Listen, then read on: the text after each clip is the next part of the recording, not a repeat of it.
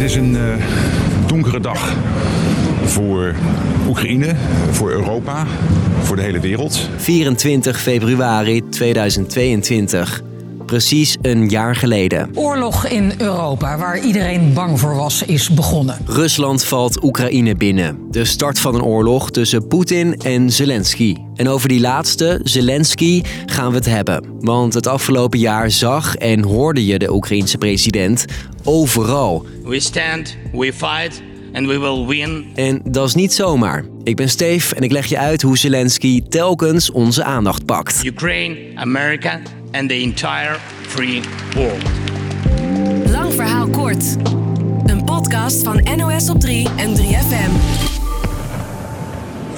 Al snel nadat Poetin Oekraïne binnenvalt, verschijnt Zelensky voor de camera. Hij spreekt zijn volk toe: wees strijdvaardig. En hij doet dat allemaal in een net pak. Maar een paar uur later, tijdens zijn volgende toespraak, is dat pak uit. Premier-minister Шмигаль тут. Vanaf dat moment draagt Zelensky een legergroen outfit.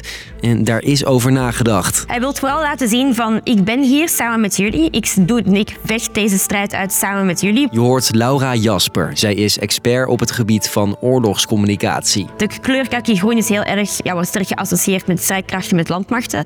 Laat ook zien dat Zelensky gewoon heel erg dicht betrokken is bij de gevechten aan het front. En niet alleen zijn outfit valt op, ook de locatie dicht bij het front en de de kwaliteit van de video. President doet. Het lijkt amateuristisch, maar er zit zeker een gedachte achter. Het lijkt heel erg snel gefilmd, maar dit is ook deel van de boodschap. Van wij zijn hier, wij blijven hier, dit is ons thuisland en we gaan dit verdedigen. Dit soort video's maakt Zelensky de rest van het jaar elke dag. Slava нашим захисницям. Slava Oekraïne. Grote delen van Oekraïne werden het afgelopen jaar aangevallen. En over die gevechten gingen soms wel heel heldhaftige verhalen rond. Misschien komt deze je nog bekend voor. On this video we're going to break down the ghost of Kiev. He is responsible for shooting down six Russian jets. Godspeed, Ghost of Kiev and happy hunting. De Ghost of Kiev, een straaljagerpiloot die het ene na het andere Russische vliegtuig neerhaalt. Maar dat is helemaal niet zo. Een verzonnen verhaal. Allemaal tactiek, zegt Laura. Ook al is het verhaal niet waar, men wilt het geloven. En dan was er ook nog het verhaal over het Slangeneiland. Een klein stukje Oekraïns land in de Zwarte Zee. Een Russisch oorlogsschip naderde het eiland en zei tegen de Oekraïense soldaten daar: geef je over. Hun reactie? Krijg de kleren.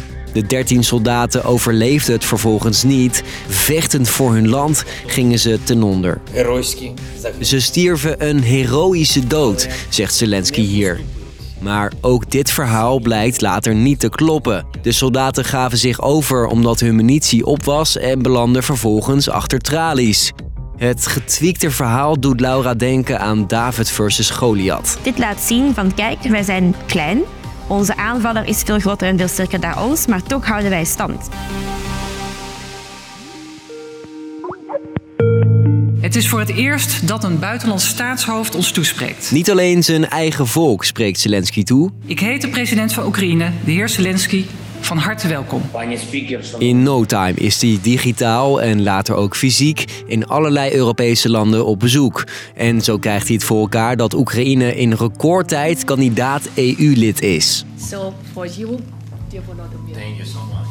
Het EU-lidmaatschap is heel erg symbolisch voor het feit dat Zelensky zich wil bewegen van Rusland af. Zo wil hij dus duidelijk maken dat hij Oekraïne ziet als onderdeel van het Westen. En die boodschap gebruikt hij weer om landen om hulp te vragen. Een van zeg maar, de krachtige zaken aan Zelensky is hij, zijn boodschappen zijn heel kort en bondig. Deze oorlog is ook jullie oorlog, zegt Zelensky iedere keer. Every unit helps to save our people from terror. En daarom hebben we jullie hulp nodig. Hij herhaalt die boodschap vaak, maar volgens Laura wel steeds op een andere manier. In Duitsland en de Verenigde Staten speelt hij heel erg op de geschiedenis, soms zelfs een beetje een schuldgevoel. In Nederland heeft hij dat helemaal niet gedaan. Want dit zei Zelensky toen hij digitaal te gast was in de Tweede Kamer. Hij begon over het bombardement van Rotterdam tijdens de Tweede Wereldoorlog. Zo speelde hij in op ons gevoel om Nederland te overtuigen Oekraïne te blijven steunen. Tot nu toe met succes. Oekraïne.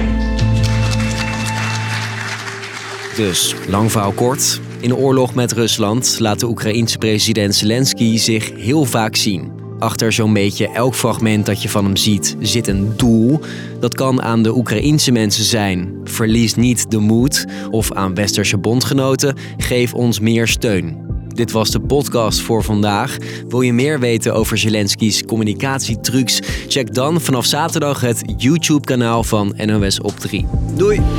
3FM. Podcast. En het beste van 3FM. Hey hallo, ik ben Rob. Ik ben Wijnand. En ik ben Liedeke.